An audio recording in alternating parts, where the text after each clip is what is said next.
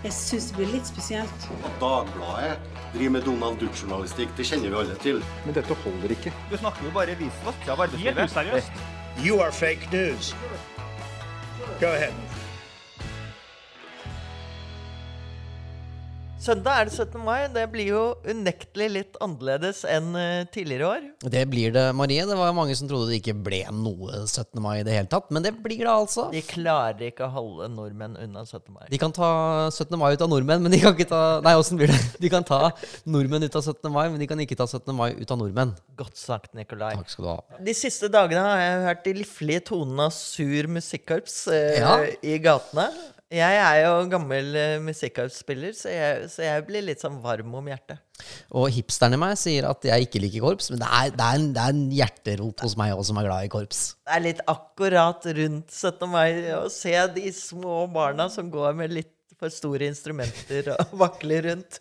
Det er rørende, altså. Men disse nye reglene, det er altså Er du klar for å høre? De nye reglene for 17. mai. Nye reglene for 17. mai, som da ble presentert av Abid Rajad. De tradisjonelle barnetogene de kan ikke gjennomføres på vanlig måte. Så det blir ikke noe barnetog. Men kor og korps de kan synge og spille, og da må selvfølgelig avstanden være avstandsreglene følges. Én meter skulder til skulder og to meter i lengde, da. Private arrangementer har en begrensning på 20 personer, og alle skal holde minst én meters avstand. Flaggheising og kransnedleggelser kan gjennomføres, men med færre til stede enn vanlig. Skoler og andre fellesarealer kan benyttes til mindre arrangementer med inntil 50 deltakere. Og sist, matservering kan foregå, men med tilgang til håndvask. Og det er vel Alle har vel tilgang til håndvask i 2020. Det høres jo ganske brukbart ut. Syns det? Altså Det er liksom det der ene toget nedover Karl Johan som uh, selvfølgelig ikke kan gå, fordi at uh, Jeg vil trodd at disse skoleelevene de hadde klart å holde litt avstand, men det er alle disse foreldrene som står rundt og skal se på, de, de klarer det ikke. Presser seg frem for å ta bilde av Ja. guttungen eller jentungen. Ja, ikke sant? Så det er Nei, men uh, vi fikk beskjed om at vi skulle vippse, altså at vi skulle kjøpe virtuelle is okay. av uh, musikkhuset her på Kampen. Eh, det vil si, ikke få isen, men betale for den. For å støtte korpset. Høres ut som en dårlig sånn økonomisk deal, men god filantropisk eh, deal. Ja, ikke sant? Vi er alle filantroper nå. innerst inne. Men eh, før enhver 17. mai, Marie, så er det jo alltid en debatt.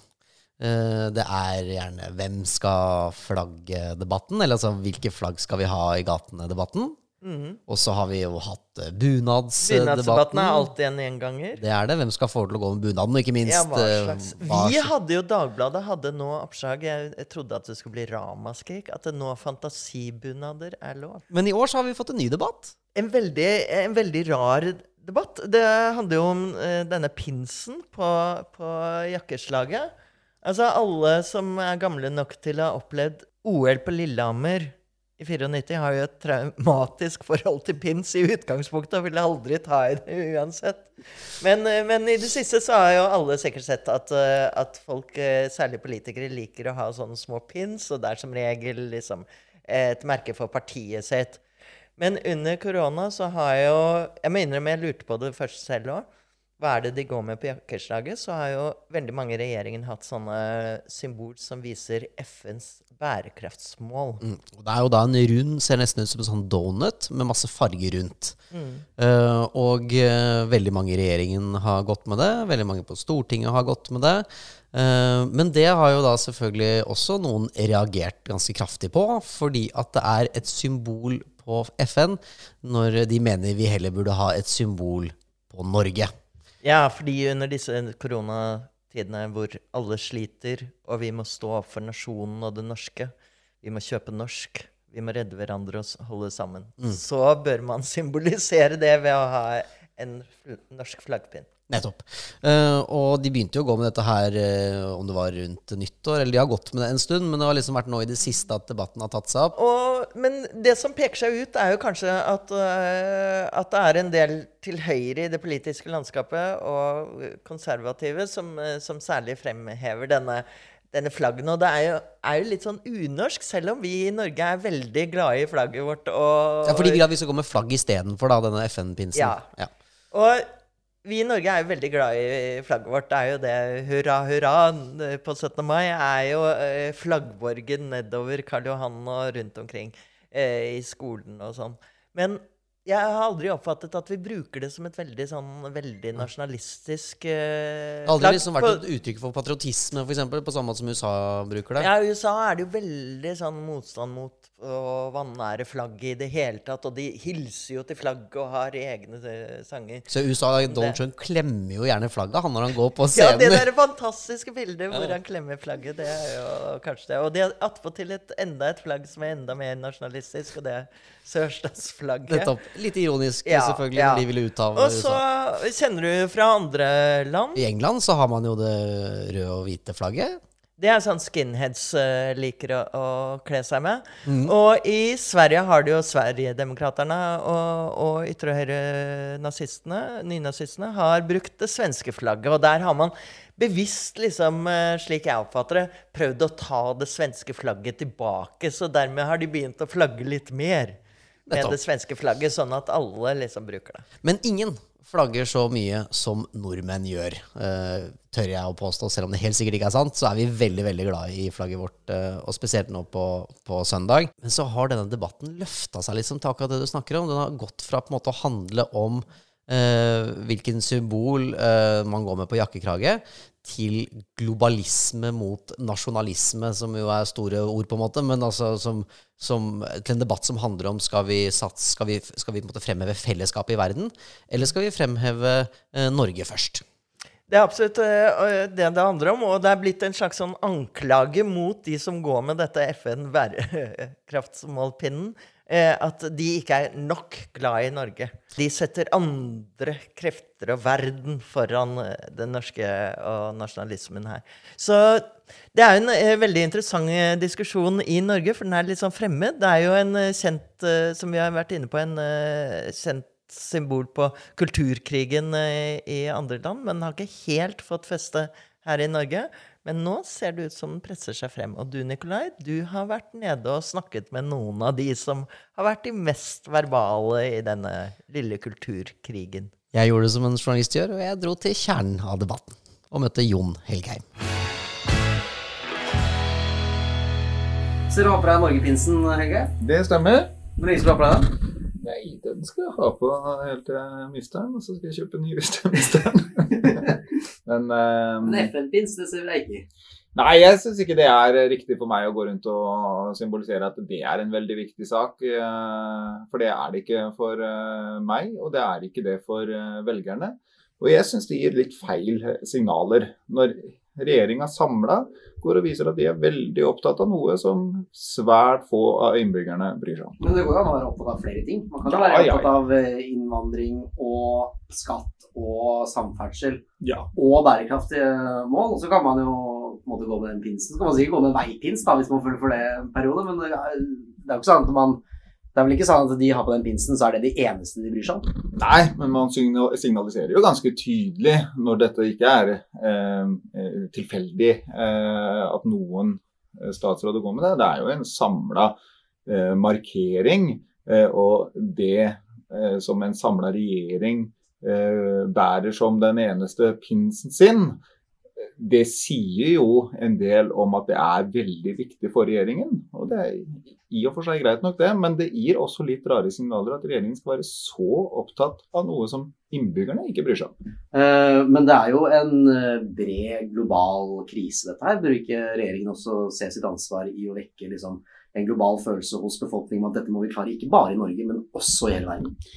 Det kan man fint gjøre, samtidig som man signaliserer at eh, vi skal ta vare på det, eh, det norske folket, først og fremst. Så kan man fint også ha flere tanker i hodet. Det kommer Norge alltid til å ha. Debatten har jo blitt liksom løfta veldig til å handle om globalisme mot eh, nasjonalisme, nær sagt. At det handla Altså, det starta som en pinsdebatt. Eh, norsk flagg eller FMO. Og så plutselig så handler det om liksom ønsker vi å være en del av verden eller ikke, på en måte, da, for å sette det på spissen. Um, er du ikke redd for at man politiserer det norske flagget? Nei, jeg er mm, først og fremst opptatt av å eh, avdramatisere bruken av det norske flagget. For det er veldig eh, mange som, eh, hvis de ser du, at du symboliserer mye med det norske flagget, sånn som jeg gjør, så har jo jeg fått uh, beskyldninger om at du er en uh, egoistisk nasjonalist, uh, og at det fra før er mange som trekker det Bare for eller du bruker det norske flagget? Ja, Er bare, ikke det litt tynt argument? da? Vi flagger jo med, vi flagger med norske flagg 17. mai, man flagger 8. mai. Man, alle har jo norsk flagg liggende. Bursdager. Jeg har aldri fått kritikk for å være Nei. Er ikke det litt tynt? eh? Prøv å gå med det norske flagget til vanlig, til daglig, eh, og markedsføre det litt. Ja, hvordan, Eh, da? Gi meg en situasjon, og et eksempel. Nei, altså det har jo vært i hvert fall to kronikker da, fra, en, fra to journalister som har trukket det i tvil og, og kommer med ganske stygge beskyldninger om at det er en selvopptatt egoisme, eller nasjonalistisk egoisme i det å symbolisere med det norske flagget. Men Og bruke det på jakka. Så det, det er, ja, jeg er enig i at det er et veldig tynt argument, men det er ikke jeg som kom med det. Hvorfor er det alltid en sånn debatt før 17. mai? Og hvorfor er det alltid Fremskrittspartiet som står i sentrum av denne debatten? Det vet jeg ikke om er riktig, faktisk. Eh, Men at vi alltid blir knytta til det, og ikke er redd for å ta en debatt om eh, flagg, det, det kan jeg godt være enig i. Men eh, det er, sånn som jeg ser det, helt tilfeldig at den, den debatten kommer nå. Eh, Er det tilfeldig? Ja, det er såpass tilfeldig som at uh, regjeringen valgte å begynne å bruke disse uh, symbolene på slutten av året. Og dette har bygd seg opp litt uh, over tid, hvor flere og flere har lurt på hva er det Folk har funnet ut hva det er, og begynt å reagere litt på hva det er. Jeg også synes, når vi kom til koronakrisa og ja, og den tiden vi nå, vanskelige tida vi har vært inne i, så syns jeg at nå er vel det litt feil signaler å gi, øh, og sa ifra om det. Eh, Sånn sett ganske tilfeldig, men eh, så er det nok mer kommentatorer igjen i mediene som har Du kan ikke skylde på kommentatorer Jo, det på alt det som kommentatorene kan få skylda for ganske mye. Ja, det er greit, men ikke alt. Nei, men jeg Du må ta litt ansvar sjøl òg, da. Ja, men, ja, ja, jeg har vært med å dra opp debatten, men det, tidspunktet er tilfeldig.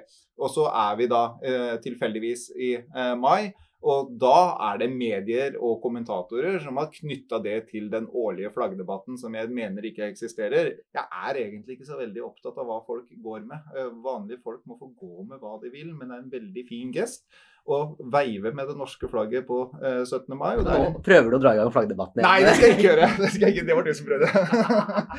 Jeg er ikke kommentator, så Nei, vi skal prøve å unngå å vekke til live den eh, nesten tradisjonelle 'hvilke flagg skal vi få til å vaie med på 17. mai'-debatten. Men vi skal en liten tur bortom Samferdselsdepartementet, som ikke er så langt unna Stortinget. For der sitter Knut Arild Hareide. Og Knut Arild Hareide han er i regjeringen, det vet vi jo. Og eh, han har svart han på kritikken om denne FN-pinsen. Hei, halla. Hei, god dag, god dag. Takk for, takk for sist. Ja, Skulle til å si hei, hei. Ta den. Få se, du har bytta ut pinnen din også med den. Du har aldri gått med den? Nei. Så har det aldri vært en samlet regjering, da? Nei. Ja, altså, vi hadde jo fått med oss debatten om FN-nåla. Eh, Men min reaksjon var nok da Vebjørn Selbekk, redaktør i en kristen avis, gikk ut og, og sa hvorfor skal denne eliten på død og liv gå med FN-nåla? Er ikke det norske flagget godt nok? Da lå jo en sånn insinuering, en forventning om at eh, de som går med FN-nåla, ikke er opptatt av flagget, ikke ser Norge i den krisen vi er i nå. Og det mener jeg er helt feil. Det er jo en krise nå. Eh, og jeg syns at det kan være godt være en debatt om hva pinner bør vi gå med, men da burde det kanskje heller vært en debatt burde vi tatt fra av oss de partipolitiske pinnene og sagt at nå er krisen så stor at vi partipolitikken legger vi litt til side. Og det gjorde jo vi egentlig i debatten. Vi hadde mindre partipolitiske debatter i den første fasen, nettopp for å, for å vise det. Snakker du om i koronakrisen, eller? Ja. Eh, Men det er nettopp å, å tenke utover det nasjonale. For det første så tror jeg vi skal være veldig ærlige og si at òg med covid-19 så er krisen langt større i mange andre land enn i Norge. Men, men det er nettopp denne forståelsen av at å bygge opp under dette med at hvis ikke du går med et norsk flagg, så tenker ikke du på Norge. Det er litt sånn globalisme mot nasjonalisme, det her. er blitt en sånn litt sånn rar debatt, tror jeg. Ja, og det, det kan jo jeg si at eh, det, det er en debatt som jeg mener blir veldig eh, at, at du det, det er nesten med at hvis, ikke, hvis du tenker internasjonalt, hvis du tenker mer samarbeid, så er ikke du opptatt av Norge. Det mener jeg er feil. Denne debatten om pinnen, den så jo vi at det var da ikke minst ytre høyre-miljø som, som løfta den debatten helt bevisst. Og jeg syns det var en bevisst mistenkeliggjøring rundt det, og det er det ingen grunn til. Eh, og, og, og det har jeg også lyst til å si at jeg håper heller ikke vi skal gjøre flagget til et sånt kampsymbol hvis vi nå nødt til å peke opp en motsetning. Du må gå med flagget, eh, for du skal kun tenke på, på Norge. Eh, mens de som går med FN-nåla, de skal eh, De ser, ønsker samarbeid. Så kjernen i denne PINS-debatten da er jo løfta seg opp til på en måte å bli en globalistisk mot nasjonalistisk debatt, eh, som vi hører da på Helgeheim og, eh, og på, på Hareide. Men også eh, hvordan er det vi ønsker at det norske flagget skal brukes, da, som vi snakket om innledningsvis. Og nasjonalismen er jo blitt en eh, har jo fått et uh, stygt renommé. Med en, viss, med en viss grunn. Det har den. Eh, så vi liker jo ikke å, å snakke om at vi er blitt mer nasjonalistiske. Så vi bruker det litt rare fremmede ordet, eh, hører jeg i hvert fall flere bruke nå, patriotisme. Mm. Eh, det høres litt sånn amerikansk ut. Eh, det er jo det som er utfordringen. Vi liker jo å tro at alt det vi nordmenn gjør, er så mye bedre, og det er godt. Det er den gode nasjonalismen. Og de andre driver med den onde nasjonalismen. Men du har jo lagt opp til at vi skal finne ut av dette her, du Marie. Jeg har som vanlig en ekspert på lur. En eh, historiker, Nick Brandal, som har skrevet eh, bok om, eh, om hvordan det norske samfunnet forholder seg til ekstremisme og nasjonalisme. Hei, Nick Brandal. Er du, Hei, hei. Er du, har du noen elever rundt deg? Nei, nå har vi ikke sett en eneste student siden 12. mars, så vi begynner jo å savne deg. Ja, det, det tror jeg studentene faktisk savner lærerne sine også. Det er det som er, er utfordringen her. Og litt rørende. Men denne PINS-debatten som vi nå har snakket om, hva er den uttrykk for? Er det, er det en kulturkrig som nå er, eh, har landet i Norge også? Det handler nok om flere ting. Eh, en del av dette er jo kulturkrig. altså eh, kamp om, Men kamp om symbol og kamp om viktige nasjonale symbol er jo ikke et nytt fenomen. Og, og det er jo noe du har hatt egentlig i, i, i norsk historie eh, i, i flere hundre år. Ja, Dagbladet kjenner jo til det. Hagbart Berner var vel involvert i en liten, aldri så liten flaggkrig. Definitivt. Og du kan si at dette, dette, Denne splittelsen eller skillet mellom si, det nasjonale og det internasjonale er jo noe som har gått i, tvers igjennom flere bevegelser, både på høyresida og på venstresida. Altså, selv i, i Nasjonal Samling var det jo en splittelse mellom pangermanistene, som var opptatt av at Norge skulle være del av et storgermansk rike, og de si, nasjonalistene som, med, med Quisling i spissen, som, som ville ha en norsk, selvstendig nasjonalsosialistisk stat. Men er det mulig egentlig å snakke om en særnorsk nasjonalisme? Altså en, eh, en litt bedre nasjonalisme enn eh, andre nasjonalismer? Den er nok ikke særnorsk, selv om den har norske særtrekk. Grovt sett så, så har du to ulike utgaver av nasjonalisme. Det er den statsborgerlige, som kommer ut av den franske revolusjonen og ideene fra opplysningstida, der medlemskap i nasjonen handler om å være lojal mot eh, institusjonene, demokratiet, menneskerettigheter osv. Men der nær sagt hvem som helst som er villig til å være lojal mot dette, kan bli en del av nasjonen. Motsatt så har du den etniske nasjonalismen, som ofte blir knytta til Tyskland og, og begynnelsen på 1800-tallet.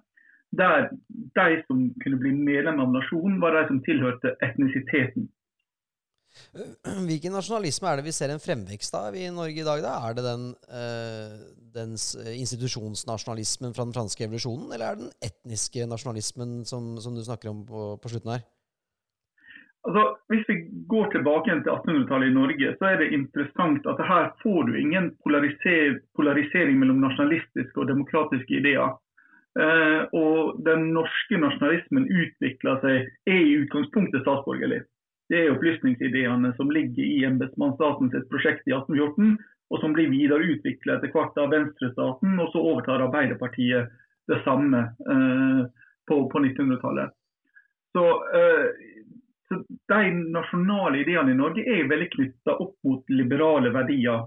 Og Det hørte vi jo ikke minst eh, nå 8. mai i kongens tale Erna Solberg sin tale. Det var nettopp disse verdiene om fellesskap og om demokrati og osv. Som, som ble løfta fram. Frigjøringen var et resultat av eh, samarbeid og samhold. samhold blant nordmenn, samarbeid med våre allierte. Ja, så Vi snakker gjerne om den inkluderende nasjonalismen som, uh, som uh, et begrep. Og det er jo unektelig en som, uh, som har mer positive sider ved seg. Men vi ser jo også nå vi har en rettssak som pågår ute i Bærum med Philip Manshaus, som jo er tiltalt for siktet for å ha angrepet en moské og ha drept sin søster, adopterte søster. Ser man, Han var jo inspirert av Brenton Tarrant, som var, eh, gjorde dette eh, massakren i, i, Christchurch, som igjen var inspirert av Anders Behring Breivik. Ser man en sånn internasjonal eh, retning som påvirker hverandre? Ja, er vel det ene svaret. Og så må det komme et men. Eh, hvis du ser på Europa, så er si, nasjonalisme på framvekst, eller har vært på framvekst i Sør-Europa og i Øst-Europa. Mens i Vest-Europa og Nord-Europa så ser den ut til å ha nådd toppen. Eller vil si, før koronakrisen så den ut til å ha nådd toppen. Nå er jo veldig masse kasta opp i lufta. Altså, hva vi er om et år fra nå, det, det er vanskelig å si. Hvordan, hvordan, kan man vite at uh, en politisk bevegelse har nådd toppen? Det ser du jo gjennom oppslutninga om parti og bevegelser som, eh, som tilskriver seg den ideologien. For så kan du ta at Den svenske motstand, eller nordiske motstandsbevegelsen er jo i fullt indre kaos. og Det, jo, det er jo et eksempel på at de, de ikke akkurat opplever at de er i framgang. Da, da blir det intern strid.